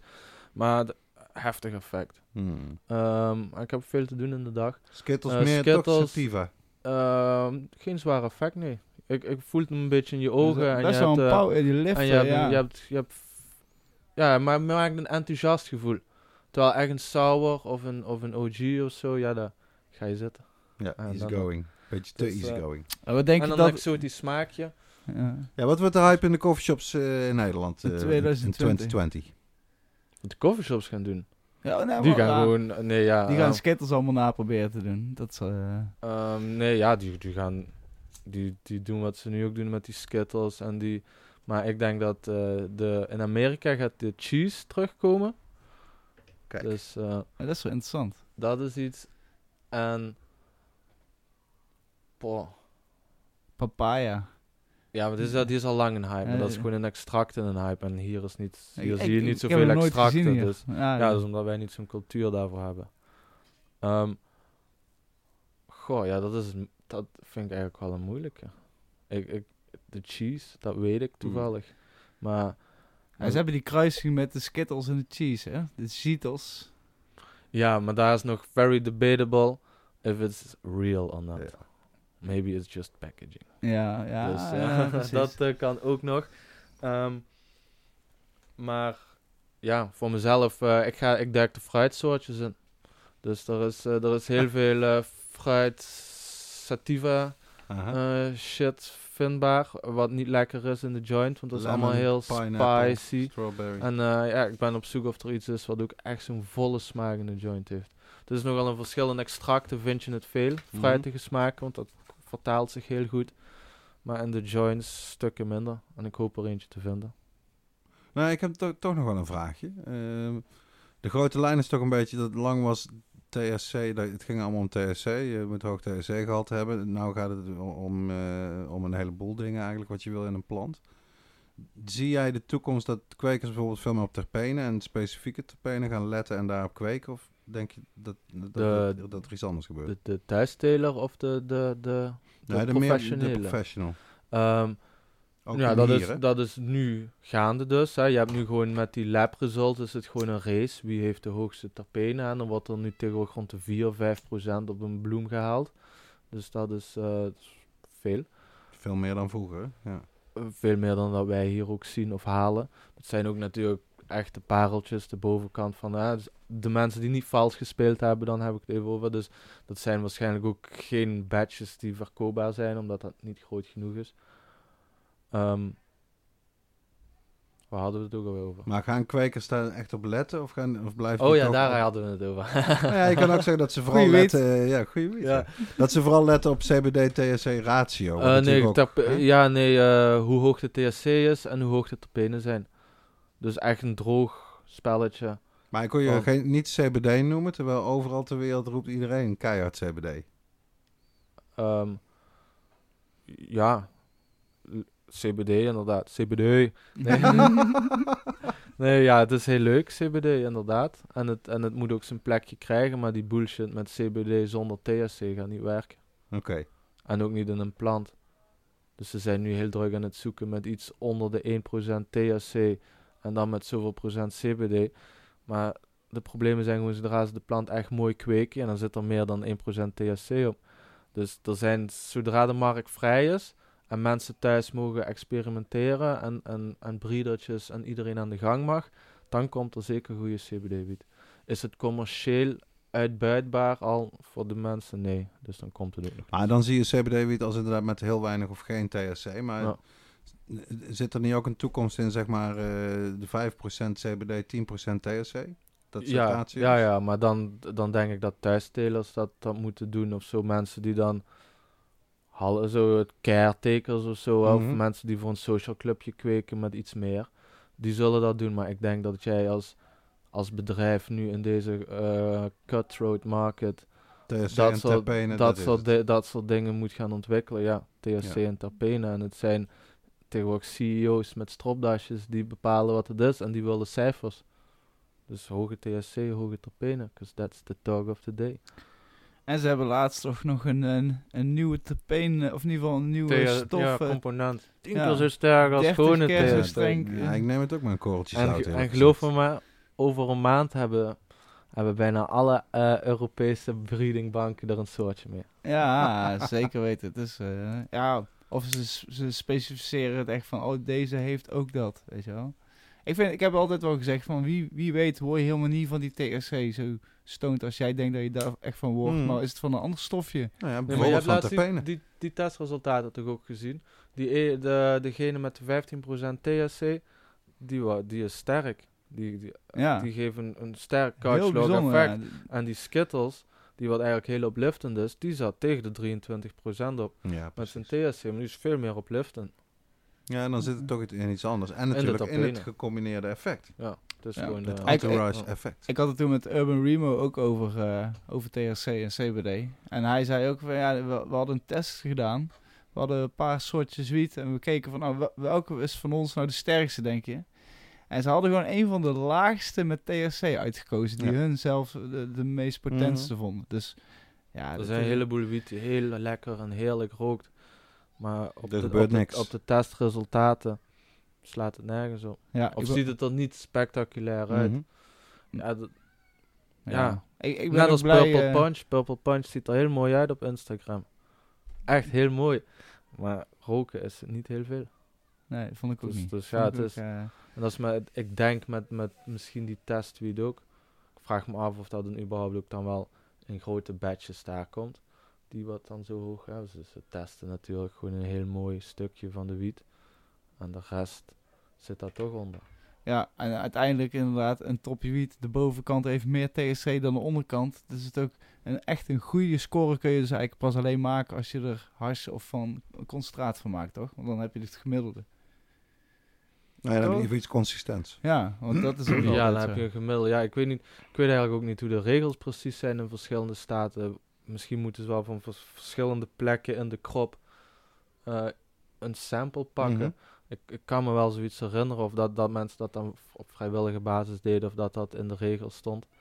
Nou, Maar- dus ik denk dat het net per staat ook best veel verschilt. Juist op die Ja. details. Nee, er waren eigenlijk nog twee puntjes waar ik ineens aan dacht die we zijn vergeten. En eentje is typisch, want die vergeten kwekers, zeker beginnende kwekers zelf ook nog alles. Daar hebben we het niet over gehad. Eh, drogen. En, eh, Met de blaadjes aan. Pas knippen als die droog is. Dat is al heel erg belangrijk. Dat is- donker natuurlijk. Donker. Koel. 16, eh, 16 graden en 60% luchtvochtigheid. Kijk, En hoe kun je dat als je, een stel je Dank u, bent X. thuis, eh, je bent thuis, hoe, hoe kun je een kamer het beste inrichten? Of wat zou je adviseren? Of in de kelder of Als je het hebt, een kelder. een kelder? Ehm, als je dat niet hebt, dan gewoon een kamer op, op, eh, op de middenverdieping of de whatever. En als je dat niet hebt, ja, het ergste de zolder. Maar je hebt nergens het klimaat echt in je hand. Ja, in de kelder. De kelder zit je goed. Maar op, overal anders ben je afgeleverd aan de goden van het weer. Ja. en zeg maar drogen in je tentje, als je een tentje gebruikt. Ja, dat is de beste manier. Maar de, de, eh, de ventilator op laag zorgen dat het koud is in je kamer en, en rond de 60% luchtvochtigheid. En, en hoeveel dagen dan? Dat hangt weer een beetje af van de temperatuur, maar meestal is het toch een minimum van, van, van tussen de 10 en de 14 dagen. Ja, hè? En je moet gewoon kijken dat, dat, ja, je hangt het op en zodra het mooi knakt, dan, dan is het klaar voor En je, je zegt dat je hangt het op, dus voor jou niet van die eh, soort netjes waar je het neerlegt, van die soort nee, sokken nee, op, nee, eh, nee, nee, nee, gewoon, gewoon ophangen. Gewoon Zie je wel veel, afknippen ophangen. netjes. Qua ruimte is het makkelijker natuurlijk, want je kan het allemaal lekker eh, onder één dingetje doen. Ja, ja, dat is hier heel erg de cultuur aan nat knippen. Ja, Ook dat nog eens, ja. Dat Ook zie je ja, dus dat er veel. komt ook van ja, als jij. eh, en ik denk, komt ook van vroeger toen je wat meer lampjes had en je deed ook nog wat voorbij te verdienen als, eh, als gewone thuissteler. Ja, je had nogal wat te knippen in je eentje of samen met je vrouw. Dus dat, dat, dat gebeurde dan nat en dan is er op een gegeven moment de misconceptie gekomen dat dat dan makkelijker is. Dan, Ja, Nou, dat Nou, is het ook het is wel makkelijk. het- Dat het wat sneller daardoor gaat. Dat is ook wat je gewend bent. Hmm. Ja, oké. Nou- Het ik krult vind- meer om, toch? eh, Ja, als als het je- droog is. Ja, maar je tikt het plaatje er zo vanaf. Plus als je goed, als je goed selecties doet, hoef je niet veel te knippen. Dus als je, ja, als je steeds uit zaadjes doet, moet je altijd wat meer knippen dan dat je je eigen stekje gevonden hebt. Maar ja, als je, ja het is niet moeilijker. En bij jij, jij, jij knipt wel, je plukt niet. Want dat heb je ook nog wel, hè? Mensen die gewoon helemaal niet, in- die het echt met hun vingers doen. De blaadjes plukken. Ja. Ja, als het droog is, is het dat ook min of meer. Het, het, het zit zeg maar om het topje heen gekruld.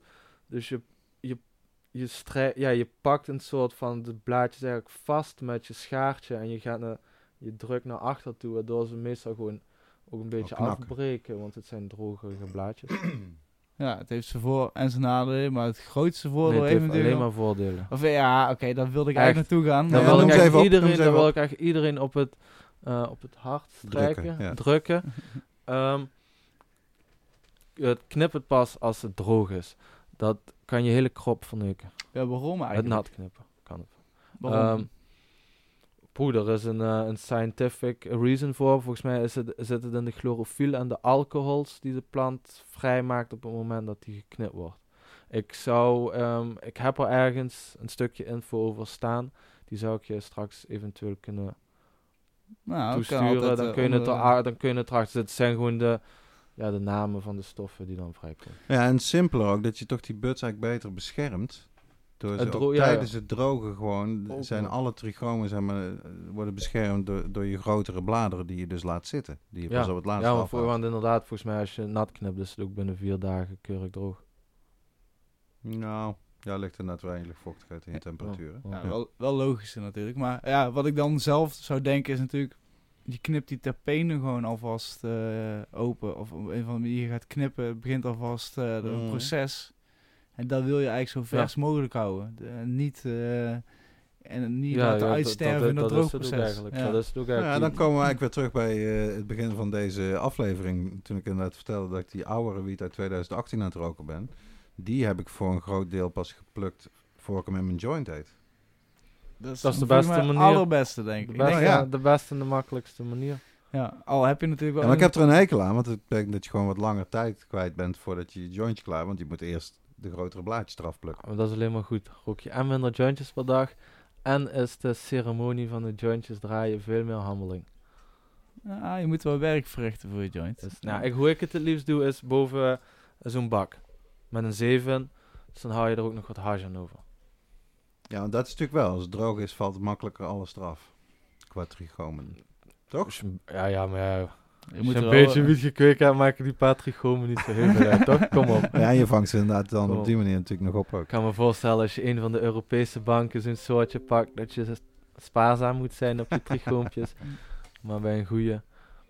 Ehm, om nog eh, het programma van deze week af te sluiten. Laten we nog, nog, eh, nog gaan naar jouw acht cannabis voorspellingen. En, en laten we er twee uitkiezen. Die we kunnen behandelen voor eh, nog eh, de... Ja, jullie mogen het doen, want... eh, Oké, ik ben benieuwd naar die wat Spanje zegt. En, en mag Grans er uitzoeken. ik, ik wist namelijk al welk... Ik dacht al dat jij die ging pakken. Maar dan zal ik die wel pakken. Aangezien we het onderwerp toch eens moeten behandelen. Ehm, tabaksvrije coffeeshops. Eh, nog eh, eh, het, gezonde verstand prevaleert. Pure wiet blijft toegestaan. En de tabaksvrije coffeeshop wordt werkelijkheid. Ja, dat is natuurlijk naar aanleiding van het gegeven dat per 1 april aanstaande wordt het algemene eh, rookruimteverbod eh, gehandhaafd door de, de NVWA. En dat zou kunnen betekenen, want daar, daar hoort eigenlijk het verhaal bij dat de tabakswet misschien uitgebreid gaat worden met ook tabaksalternatieven, zoals allerlei kruidenmengsels en weet ik veel. En daar zou dan ook cannabis bij genoemd kunnen worden, waardoor, we, waardoor zelfs het, ro- puur roken of verdampen van cannabis in de coffeeshop ook verboden zou worden. En mijn voorspelling voor 2020 is met een beetje optimisme dat het zover niet gaat komen. Al is het maar omdat bijvoorbeeld ook de VNG, de Vereniging van Nederlandse Gemeenten, die realiseert zich heel goed als bij 600 coffeeshops in Nederland helemaal niet meer iets mag gerookt worden of verdampt. Dan heb je een hoop mensen die het op straat doen en in een parkje. En ja, en dat is de hele meeting. Ja, en het hele sociale aspect van de coffeeshop gaat dan natuurlijk helemaal teloor. Dus mijn voorspelling is dat dat niet gebeurt. Maar dat we dan wel een grote stap zetten naar eh, inderdaad puur roken zoals eh Mr. X het doet. En eh, ik zelf nog niet. En mijn co-host ook nog steeds niet, hè? Nee, ja, ik word er helaas, of ja, heel goed eigenlijk wel vaak mee geconfronteerd dat ik nog steeds jointjes met de bak rook. Ik ben er helaas zo mee opgegroeid. Mijn allereerste jointje altijd zo gedraaid. En eh, ik, ik, ik heb wel een belofte gemaakt dat ik er... eh, Voor je dood Maar die gaat, belofte, stop je. die heb ik hem vaker horen maken trouwens, mensen. En het eerste wat hij deed toen hij de kans had, was een sigaretje open, openbreken. ja, Maar ik hoop het wel, dat hij toch ooit weet te stoppen met tabak. Ja, nee, het is wel zo. Kijk, de, de wiet die, die jij vaak rookt, is wel vaak lekkerder zonder tabak te roken. En dat heeft vaak ook wel Dat met is ook omdat ik hem uitselecteren. daarvoor selecteer. Ja, precies. En, eh, eh, maar om nog even terug te gaan op het onderwerp. Ja, ik vind persoonlijk eh, ja, ja. Op, op de stelling, op de, ik, ik hoop het ook. Ik ben inderdaad in Amerika geweest waar je dus geen plekken hebt waar je kan nuttigen. En dan ben je dus als toerist, sta ja. je dus in de kou buiten. En dat is ten eerste overlast. En ten tweede is het, ja, voelde, voelde, Ja, het, het echt hele sociale aspect gaat ook... Ja. Want je kan niemand nieuw ontmoeten die ook graag bloot. Dat, Dat- is dat is aan een koffieshop. Ja, dat is een van de beste dingen. je, je- je ontmoet nieuwe mensen. Want ja, het is leuk om met je eigen vrienden constant te blowen. Maar het, het feit dat je altijd... En, en vroeger was het ook in veel steden dan zo dat eh, de, de Belgen en de Duitsers kwamen ook. Dus, eh, ja, Echt dat- heel da- daar hield je gewoon heel veel, heel veel connecties of vrienden of whatever aan Ja. over. En dat is heel belangrijk. Enige stukje plekje waar de emancipatie echt is eh, gelukt. Dus, eh, De emancipatie, de integratie, integratie eh, van in de coffeeshoppen willen, daar werkt het allemaal wel. Ja. Dat kan je toch wel zeggen. Ja. Dat andere, die andere voorspelling Spanje, dat is erg interessant. Daar is ineens, dat is niet zo lang geleden, een nieuwe regering gekomen. En dat is eigenlijk de meest progressieve, meest linkse regering die ze hebben gehad sinds 1978. Sinds eh, de democratie daar is ingevoerd na Franco. En ja, Spanje is natuurlijk bekend. De cannabis social clubs, met name Catalonië en Baskeland, maar ook zeker wel in de rest van, eh, van Spanje. Dat is al jaren zo, eigenlijk al vanaf de jaren 90, maar de laatste tien jaar nog veel groter. En met, met meer eh, ja, impact en meer economische voorspoed ook eh, als resultaat daarvan. Dus je zou zeggen, de vicepremier in Spanje is de leider van Podemos, de meest progressieve partij zou je kunnen zeggen, een nieuwe partij, relatief nieuw. Pablo Iglesias. En eh, hij zit in het kabinet, zijn eh, vrouw zit ook in het kabinet. Interessant. En mijn voorspelling is daarom voor eh, Spanje in 2020 dat Spanje, dat niet Luxemburg, maar Spanje de primeur gaat pakken. Om als eerste EU-land eh, cannabis volledig te legaliseren. Want als als je het een beetje gewoon objectief bekijkt hoe de situatie is in Spanje van cannabis. Dan wordt daar natuurlijk al enorm veel geld verdiend. Er zijn al heel veel banen gecreëerd in die cannabis social clubs. Dat is zeg maar in hoge mate zelf gereguleerd. En daar horen dan natuurlijk ook altijd weer een paar uitwassen bij en noem het allemaal maar op. Maar het werkt toch eh, best wel aardig daar. En dat betekent weer dat de stap eh, naar een meer formeel systeem eh, vrij makkelijk zou gaan. En enorm veel meer belastinggeld en meer economische voorspoed voor Spanje zou betekenen. En eh, wie zegt daar nee tegen? Hm? Hoe kijk jij erop? Wat, wat denk jij? Ik zeg nee tegen legalisering. Maar eh, voor de gewone blower is het misschien wel fijner, ja. Zeg ik voorzichtig. Voor de gewone gemiddelde eh supermarkt blower, zeg maar. Gewoon, Nou ja, die wat gewoon lekker wat wil roken. Ook, die gewoon een paar planten zonder enige paranoia wil kunnen kweken. Dat is ook wel fijn toch, als het legaal is. Als dat dan inderdaad mag, wat Aha. in veel gevallen niet het geval is, ehm, dan is dat heel fijn. Dan, dan, dan is dat inderdaad iets. Ja, dan is het wel goed. Ja, ik hoop op, op gewoon vrijheid. Dat, dat je ook bijvoorbeeld. Ah, je, natuurlijk moeten dan regels gebonden zijn. Maar ja, waarom zou je niet ook bijvoorbeeld een social clubje mogen opstarten? Een echte. En niet zoals het in, in Spanje, maar gewoon echt. Met wat gasten en wat, eh, wat kerken. Zo'n beetje caregiver-achtig of zo. Of waarom, ja, inderdaad, een paar thuisplantjes. Of, maar dat daar, ja, ik hoop dat daar ook over gesproken wordt. Ah, ik denk eerlijk gezegd, als Spanje gaat praten over legalisering, dat ze ook wel de thuisstilte bij gaan nemen hoor. Dat Ja, want die is dus, daar is het hele Cannabis Social Club systeem op gebaseerd in Ja, Spanje. Die ja. is eigenlijk al legaal. Omdat in hun grond, grondwet zoveel garanties staan dat jij op jouw eigen, in jouw eigen woning en op jouw eigen grond heeft de overheid niets te maken. Wat dus te maken heeft natuurlijk met die Franco-dictatuur. Toen de politie op elk moment binnen kon komen vallen bij jou als ze daar zin in hadden. Dat heeft gemaakt dat zolang jij het maar private houdt, daarom een club, eh, kan de politie in feite niks doen. Dus ook daar is het eigenlijk een hele kleine stap om, om dat formeel te zeggen. Je mag zoveel planten of je mag dit, je mag dat. En eh, het is in ieder geval denk ik buitengewoon de moeite waard om dat eh, in de gaten te blijven houden in het nieuwe jaar. Zullen we zeker doen. Ik denk dat we het eh, bij deze moeten houden. Anders eh, wordt het een enorme lange uitzending. Ehm, qua eh, reacties van luisteraars. Ja, helaas hebben we nog steeds geen leuke vraag binnen. Nou ja, Nog nog steeds, steeds voor deze, ja, het is ook al een vervroegde uitzending, dus het is begrijpelijk. Maar wel. Voor degene die een leuke vraag of opmerking of een suggestie, Tip voor een gast. alles is, alles is welkom. Uh, uh, goede opmer- een goede onderwerp. En voor je het weet, vind jij het schitterende fotoboek van Steve Fleur, Humboldt Green Gold USA, over de cannabisteelt in Californië. Yes. En, eh, Wat moet je doen, Rens? eh, stuur even een mailtje naar hightpodcast met een t at gmail.com of zet een reactie eh, eh, onder de Instagram post of onder de YouTube eh, eh, video of onder de Soundcloud eh audio bestand. En eh, ja, de leukste wordt weer beloond. in ieder geval, eh, eh, Mr. X, dankjewel dat je er eh, zou willen zijn vandaag. Dankjewel voor het Ontzettend, leuke gesprek. Bedankt. Ja. Het is vandaag iets rommeliger geweest dan normaal, maar eh, toch bij deze... Ik heb een hoop plezier gehad. Ik heb trouwens nog één, één laatste vraag voordat we eruit gaan. En misschien kunnen we die elke week stellen, of elke keer stellen aan de gast. Wie zou jij in deze, in deze podcast graag horen? Of ja, niet zien, Als gast. als gast.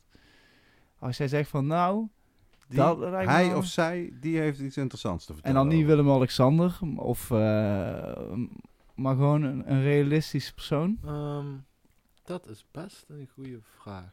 Onvoorbereid. Ehm eh, goh. De eh Kees, bijvoorbeeld. Van Biotabs. Ja. Biotabs. Die, dat is misschien een hele leuke. Eh, misschien is een, ja, ik weet niet of zijn pa er zin in heeft, maar die heeft misschien een heleboel verhalen uit de oude doos wel, wat, wat heel leuk kan zijn. Zonder meer, Ja. Karel. Ehm, Ah, nee, ik vond deze best goed hoor. Ik vind, eh, maar daar, zijn, eh, daar kunnen we in ieder geval, eh, daar gaan we in ieder geval werk van maken. En, eh, dan, Zonder eh, meer. Zonder meer. In ieder geval, dankjewel. Dankjewel Dirk weer. Dank iedereen Voor deze gezellige Dankjewel, uitzending. eh, Dankjewel. Rens. Ja, en eh, in ieder geval tot de volgende keer.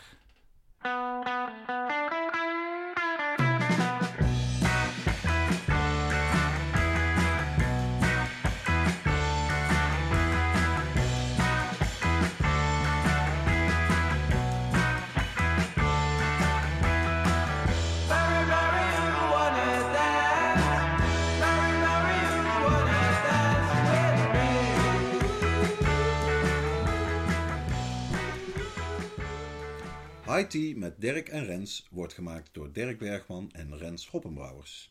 Onze tune is Marijuana van Moon. Beluister de muziek via iTunes en Spotify. Volg IT op Instagram, at met een T.